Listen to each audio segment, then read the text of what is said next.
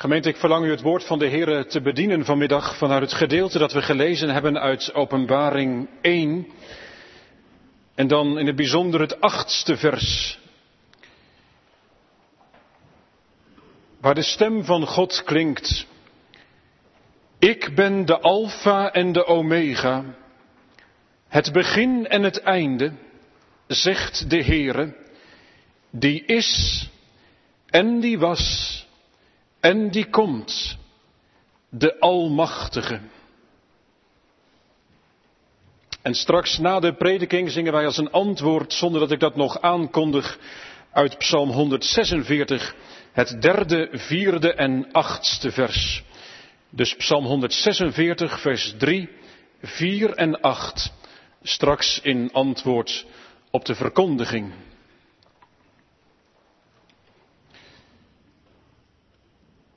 Gemeente van Christus. Het laatste Bijbelboek ligt dus deze middag voor ons open. De openbaring van Jezus Christus aan Johannes. Let wel niet de openbaring van Johannes. Dat staat er in heel wat uitgaven wel boven. Maar dat is er later door de uitgever bijgezet. Vers 1 begint met de woorden de openbaring van Jezus Christus. En die heeft Johannes dus gezien. Jonge mensen, probeer je het een beetje in te denken. Die apostel Johannes op hoge leeftijd verbannen naar dat eilandje Patmos. Het gaat waarschijnlijk over de periode van de regering van keizer Domitianus, zo'n beetje het jaar 95, 96 na Christus. In de eerste eeuw dus. En soms wordt gedacht dat het een periode was van hele heftige christenvervolgingen. Maar, ja, die zijn er wel geweest. Zeker ook in die periode. De verhalen die, die kent u, die ken jij misschien wel. Maar het was toch vooral incidenteel dat het plaatsvond. Ernstige vormen van christenvervolging, van jodenvervolging. Veel meer nog was de situatie van de christelijke gemeenten in die eerste eeuw. En zeker aan het eind van die eerste eeuw. En dan denken we vooral aan die, die zeven gemeenten die in hoofdstuk 2 genoemd worden, in hoofdstuk 3. Die gemeenten van Klein-Azië, Efeze, Smyrna, Pergamus en nog een aantal. Die jonge christelijke gemeenten hadden te maken met een enorme druk. Een samenleving waarin men, men, men druk uitoefende om mee te doen met allerlei zaken. Ja, die voor een christen gewoonweg niet mogelijk zijn. Toen niet en vandaag niet. Keizer Domitianus moest en wilde goddelijke eer ontvangen. En de keizeraanbidding had onder zijn bewind een soort, een soort staatsreligie, was dat zo'n beetje geworden. En juist die provincie Klein-Azië, waar dus die gemeenten liggen, waar Johannes ook aan schrijft, waar, waar de Heer Jezus ook dit boek allereerst voor geeft, die provincie Klein-Azië vormde het centrum van die keizeraanbidding. Ik dacht bij de voorbereiding van deze dienst, je zou, je zou de situatie kunnen vergelijken met wat we een paar weken geleden gezien hebben in Noord-Korea. Is toch niet te geloven? U en jij hebt de beelden vast wel gezien. En na het overlijden van Kim Jong-il. Duizenden Koreanen aanbaden deze leider. En de berichten daarna hebben alleen maar het vermoeden verhevigd dat, dat dat een zware straf stond als je daar, als je daar niet in meeging op de goede manier. Nou, die druk lag er ook in de eerste eeuw van onze jaartelling. De druk om, om mee te doen. Om water bij de wijn van het evangelie te doen. En in die situatie ontvangt Johannes dan deze openbaring van Jezus Christus. Als een oproep aan de christelijke gemeenten. Om geen compromissen te sluiten met die keizercultus maar om loyaal te blijven aan koning Jezus. Aan Hem alleen. En wat kan dat een spanning geven? Ook in 2012. Want loyaal zijn aan koning Jezus betekent dat je burger bent, allereerst van, van zijn koninkrijk. En dat heeft gevolgen. Dat betekent dat het voor een christen onmogelijk is om mee te doen met zaken die strijdig zijn met zijn regering. Want in het koninkrijk van God gelden wetten die, die als het erop aankomt nou niet zo heel geliefd zijn bij de gemiddelde wereldburger. Er zijn veel zaken die, die voor een christen gewoonweg niet mogelijk zijn. Omdat je als christen zegt, nee, want de Heere Jezus is mijn Heer, mijn Koning, degene die het voor het zeggen heeft in mijn leven. Hebt u die ervaring? Heb jij die ervaring in je leven? Dat je zegt, daar kan ik toch niet in mee? Of, of daar kan ik mijn kinderen toch niet, niet aan mee laten doen? Hier liggen toch grenzen? Maar het kan niet anders of u, of jij herkent die spanning. Althans, als je Christus kent. Als je Hem lief gekregen hebt. Want dan wordt je leven bepaald niet door de waan van de dag. Ook niet wat algemeen geldend is, zelfs niet wat algemeen geldend is in een bepaalde kerkelijke cultuur. Nee, Christus is Heere en Zijn geboden zijn bepalend. Om het maar eenvoudig te zeggen vanmiddag. De Heere Jezus wil ik geen verdriet meer doen. Meisjes, jongens in de kerk. Hou je van de Heere Jezus? Dan wil je Hem toch geen verdriet meer doen? Dan verlang je toch juist om te doen wat de Heere Jezus fijn vindt, wat Hij graag wil. Ja, dat kan wel strijd opleveren.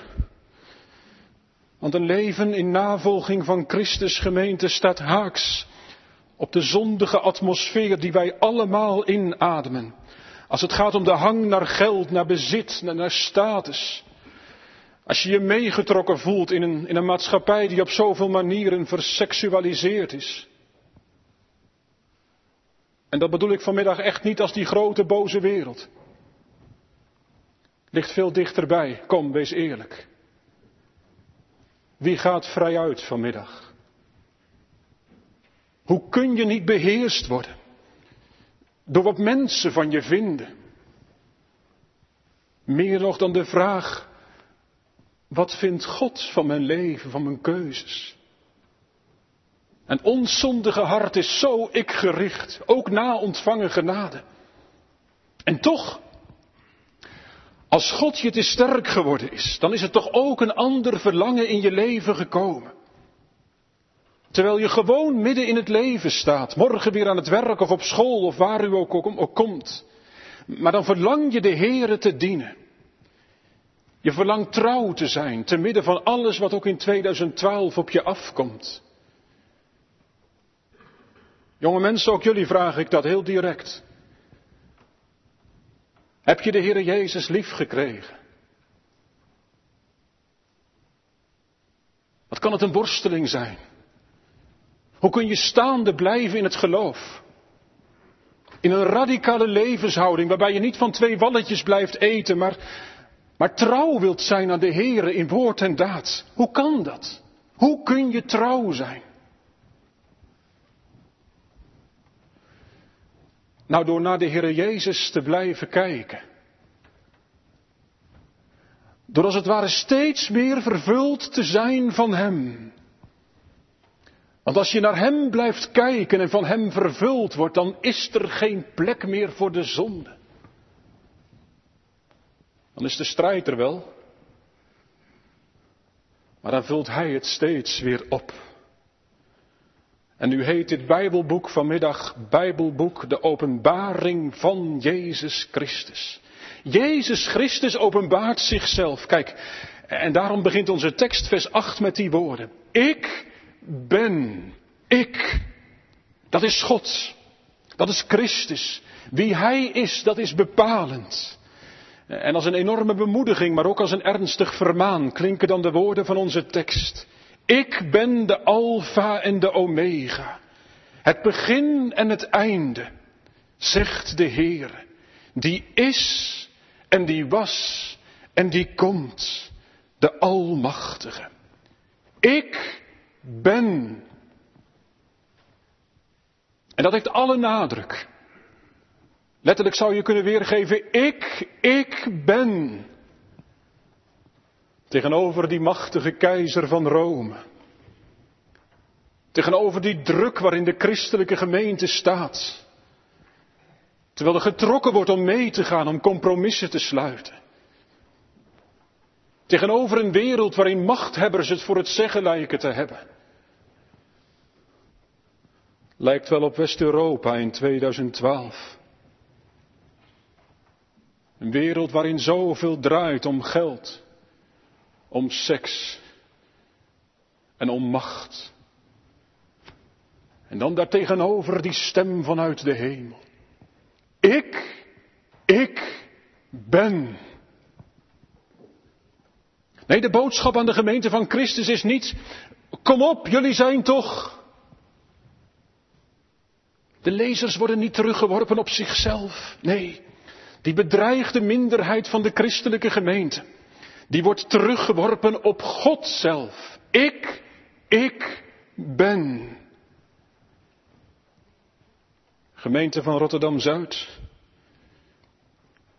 Dat is het eerste wat op deze zondagmiddag klinkt.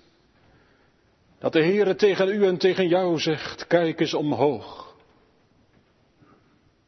Stop eens met terugkijken. Met vooruitkijken. Die maalstroom van gedachten waar je middenin kunt zitten. Alles wat er in je leven al gebeurd is, misschien wel kort geleden of langer geleden. In je bedrijf, in je gezondheid, in de gemeente. Die maalstroom van gedachten over wat er dit jaar misschien allemaal nog gaat gebeuren of verder weg. Hoe zal dat gaan? Hoe zal dat gaan? Misschien zijn er donkere wolken. Misschien ervaar jij zoveel onzekerheid. Er zijn nogal wat mensen, ook jongeren, die daarmee tobben. Is niet gek hoor. Maar de Heere zegt, kijk eens omhoog. Ik, ik ben. Ik ben. De Heere zegt vanmiddag, kijk eens omhoog. Ik ben. En nee, jonge mensen, ouderen, dat is geen vlucht uit de werkelijkheid. Omhoog kijken is geen vlucht, integendeel. Wat God met deze woorden wil, is juist je laten rekenen met de echte werkelijkheid. De Heere zegt juist in uw, in jouw omstandigheden. Daar waar je staat als christen, die Christus verlangt te volgen. Te midden van velen die er niets of weinig van moeten hebben. Op school of op je werk of gewoon in de stad. In die situatie van u, van jou, ben ik er. Hoe staat het hier in onze tekst? Ik ben en dan sla ik even een stukje over, dat komt straks vanzelf wel. Ik ben degene die is en die was en die komt. Ik ben degene die is. Dat is het eerste. Opvallend, vindt u niet? Het is toch logisch om, om, om bij het begin te beginnen. Ik ben degene die er was en die er nu is en die er zal zijn. Maar nee, er staat, ik ben degene die is, daar begint het mee. En dat is niet alleen hier zo, ook in vers 4 is dat zo, bij die bekende woorden die u wel kent, genade en vrede voor u van Hem die is. Eerst degene die is. En gemeente, dat is zo bemoedigend. Want uw, jouw leven is op dit moment zoals het is. Met mooie dingen, zegeningen, die je van de Heere ontvangt. Maar ook met moeilijke dingen. Beproevingen door God. En verzoekingen door de boze. En weet u wat de Heere nou doet? Hij komt daar middenin staan. Hij wijst u niet allereerst terug naar wat geweest is of wat in een verre toekomst nog eens zal gaan gebeuren. Nee, hij zegt, ik ben degene die nu is. Zoals de Heer Jezus werkelijk in onze gebroken mensenwereld is afgedaald, is ondergegaan. Zo is Hij vandaag de God die is. En dan niet zomaar een God die wat solidair is, die wat mee kan voelen met u, met jou. Nee, hij is degene die regeert. Wat een keizer Domitianus ook denkt of wil. Hoor de stem vanuit de hemel. Ik ben degene die is. Ja, zegt de tekst aan het eind. De Almachtige omdat het aan het eind staat, heeft het betrekking op alles wat daarvoor staat. Met grote nadruk. De God die er nu is, op dit moment, is de Almachtige. En dan noemt hij zichzelf de Alpha en de Omega. Jongens, meiden, dat zijn de eerste en de laatste letter van het Griekse alfabet. Alpha en Omega. Je zou dus ook kunnen zeggen de A en de Z. Dat God zegt, ik ben de A en de Z. Nee, niet alleen maar de A en de Z. Maar de A en de Z en, en alles wat daartussen ligt. De B en de C en de D tot en met de X en de Y. Die alfa en die omega, die omsluiten dus alles wat ertussen zit. En als die A en die Z dan staan voor het begin en het einde, zoals de tekst ook zegt. Het begin van de wereld, de schepping uit niets. En het einde van deze wereld, de wederkomst van Jezus Christus. Dan omvat deze ik ben dus heel die periode van begin tot eind. Ook het jaar 2012. Ook 22 januari. Ik ben degene die is. En als we dan nog iets verder kijken naar dat beeld wat hier gebruikt wordt, eh, wat zit daarachter? U moet weten, die, die Griekse letters, dat Griekse alfabet heeft 24 letters. En die 24 letters stonden bij de Grieken symbool voor de 24 uren van de dag. En als God dan de Alpha en de Omega is, u voelt hem al wel, dan is Hij degene die al die tijden, die hele dag omspant, overdag en s'nachts. Elk uur, elke minuut, elke seconde is van Hem. Ik ben degene die is.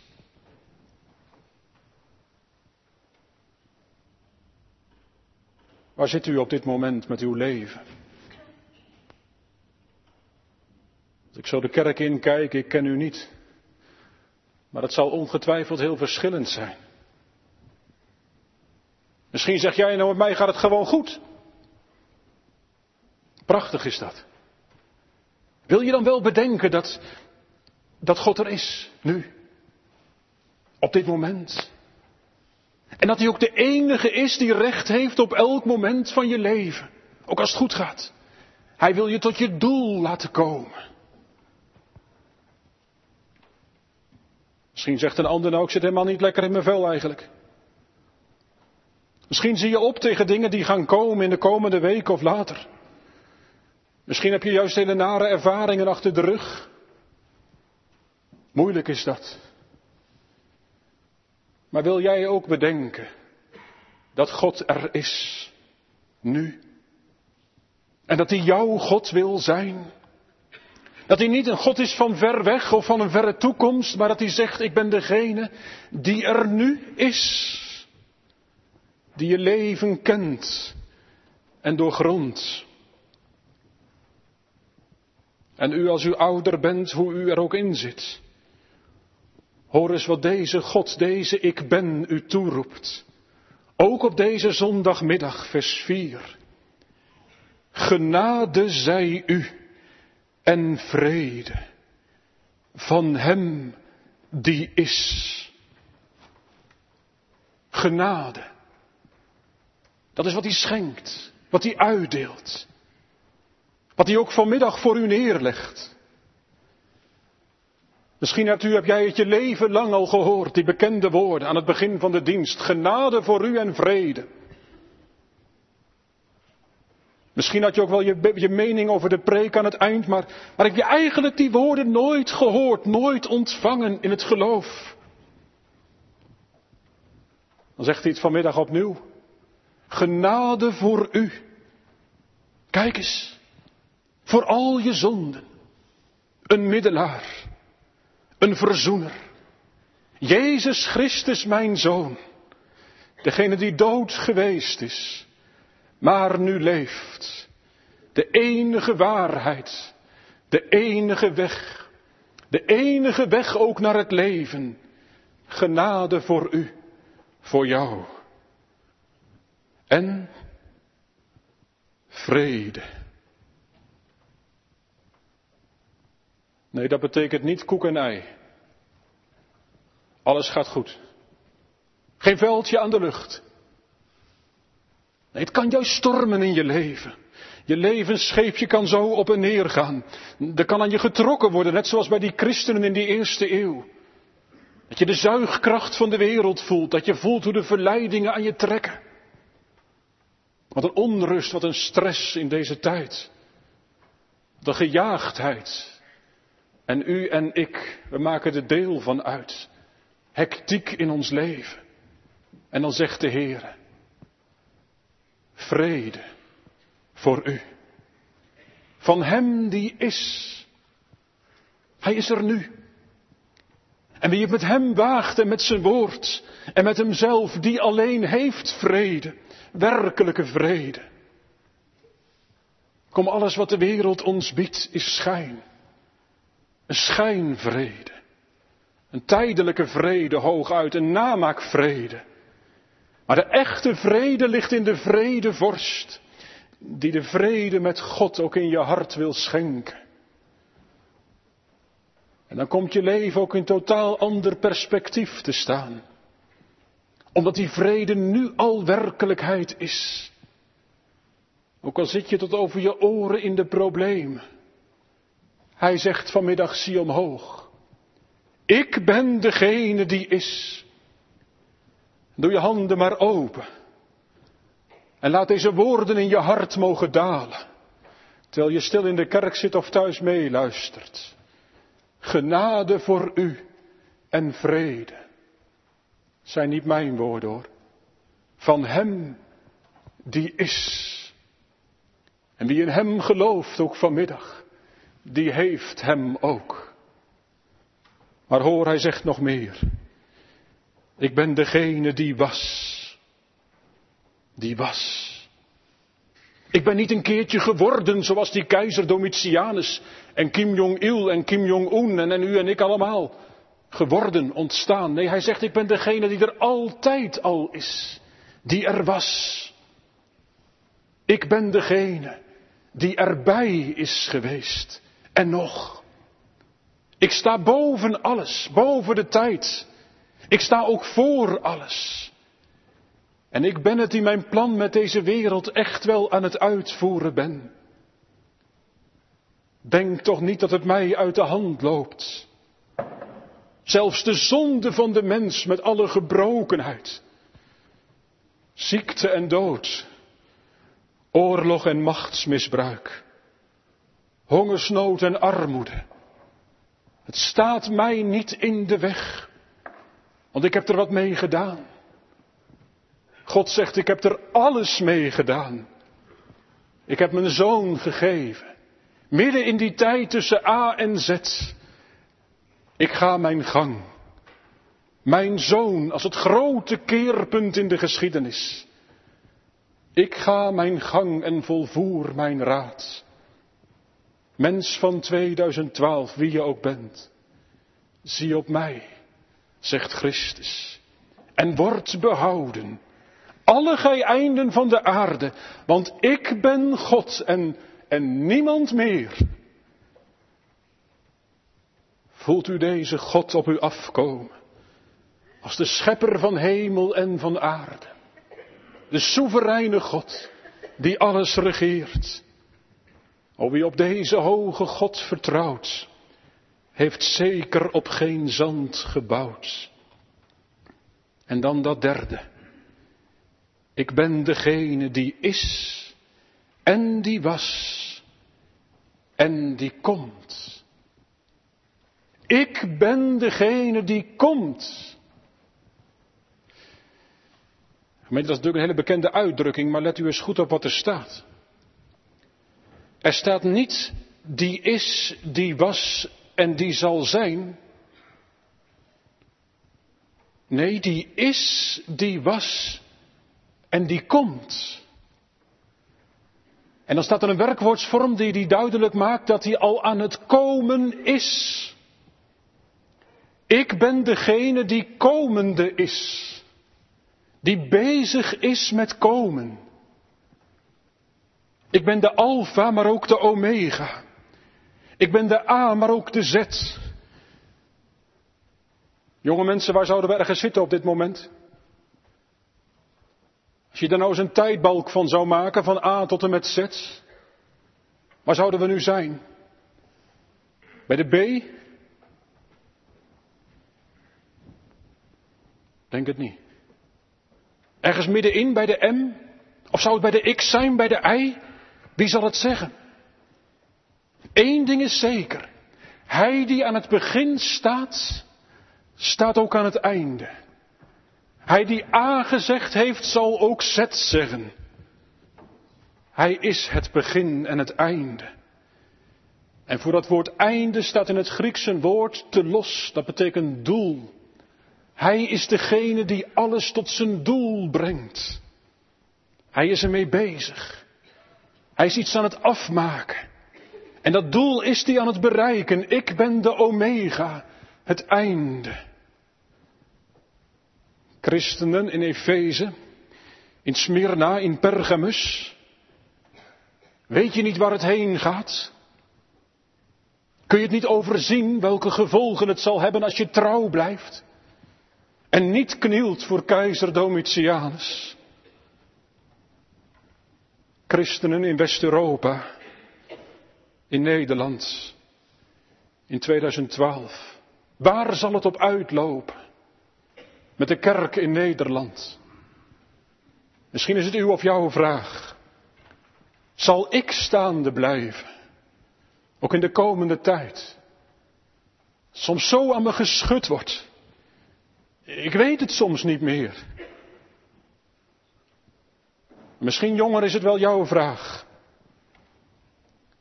Is de kerk eigenlijk geen zinkend schip? Kunnen we niet beter wat anders gaan proberen? Je moet toch ook een beetje je tijd verstaan en meegaan met de wereld en gemeente hoor, jong en oud. De kerk is geen zinkend schip. Oh jawel. Ik hoop niet dat ik u daar pijn mee doe als ik zeg dat het best wel mogelijk is dat deze kerk ooit afgebroken wordt. Dat kan. Maar de kerk van Jezus Christus is geen zinkend schip. En dan bedoel ik diegenen, ieder die getrokken is uit de duisternis tot het licht van de Heere Jezus, die hem lief gekregen heeft. Die kerk is geen zinkend schip, want dat schip van de kerk dat bestaat uit mensen. Dat heeft een stuurman. En die stuurman voert zijn kerk, ja zijn wereld, naar een zeker doel. Hij is zelf het einde, de te los, het doel. En hij komt eraan. Al gaat de zee ook hol en hoog. Al zweept de storm uw levensschip voort. Dan nog zal Gods koninkrijk komen. Hij zegt het, ik ben de Alpha en de Omega. Het begin en het einde. Degene die nu is. En die was en die bezig is te komen. Hij komt. Ja, zegt Johannes in vers 7. Zie, zie, hij komt. Hij is al aan het komen. Er staat niet, hij zal misschien een keertje komen. Nee, hij is nu aan het komen. En voor hem uit klinkt zijn evangelie, vanmorgen en vanmiddag weer. De blijde boodschap dat hij al gekomen is toen in Bethlehem. En dat hij gehangen is aan Golgotha's kruis. En dat hij toen zijn doel heeft bereikt toen hij uitriep het is volbracht.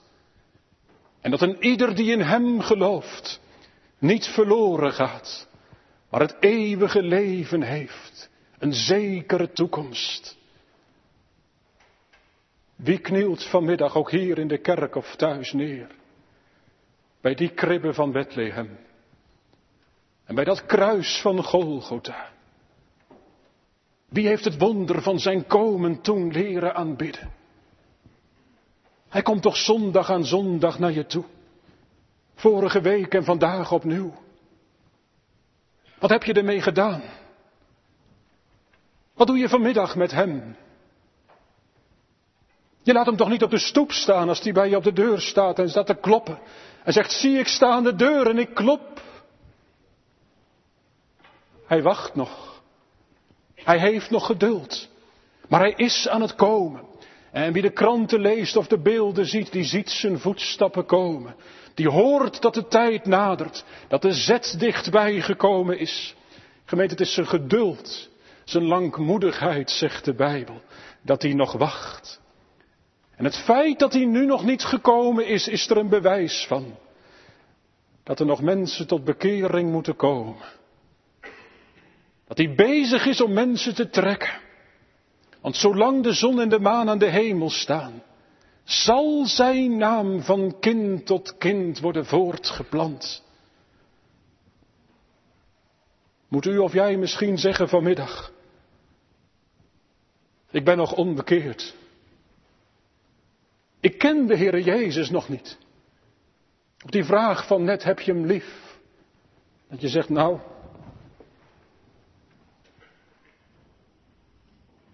als hij komt en je bent nog onbekeerd, dan ben je voor eeuwig verloren. Wat houd je nou tegen? Hij, de Heere Jezus, die tegen u, tegen jou zegt, een verzoening voor al je zonden. En je mag en je moet hem aannemen, ook vanmiddag, door het geloof. Wat houd je nou tegen om met je schuld beladen tot de Heere Jezus te gaan, te komen? Kom ik om, dan kom ik om. Maar ik zal tot de Heere Jezus gaan. Vanmiddag mag ik u zeggen en jou. Je zult niet omkomen. Als je tot Jezus komt. Wie niet komt is al verloren.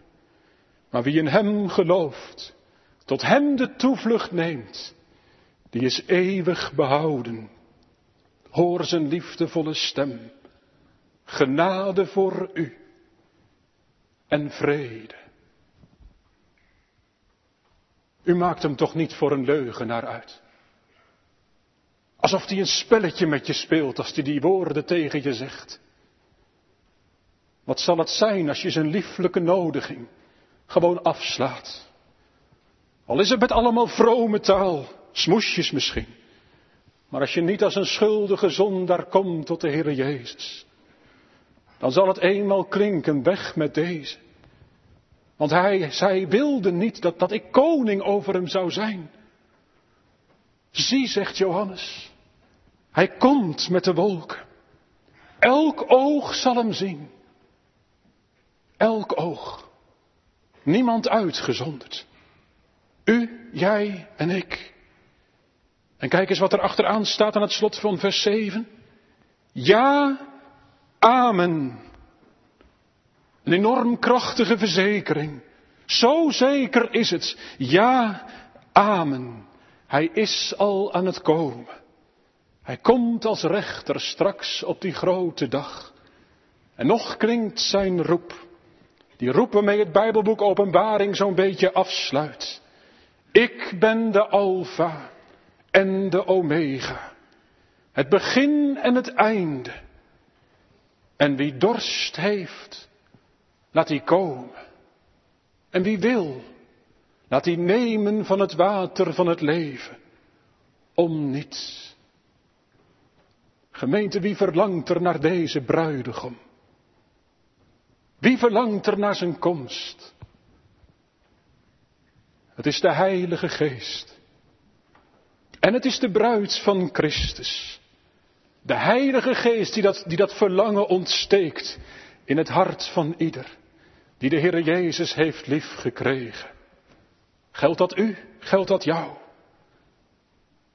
Wat Hij begonnen is in je leven. Al kun je het er misschien zelf soms niet voor houden. Wat Hij begonnen is in je leven, dat zal die voleindigen. Tot op de dag van Christus. Zie, Hij komt. Verwacht u Hem? Amen.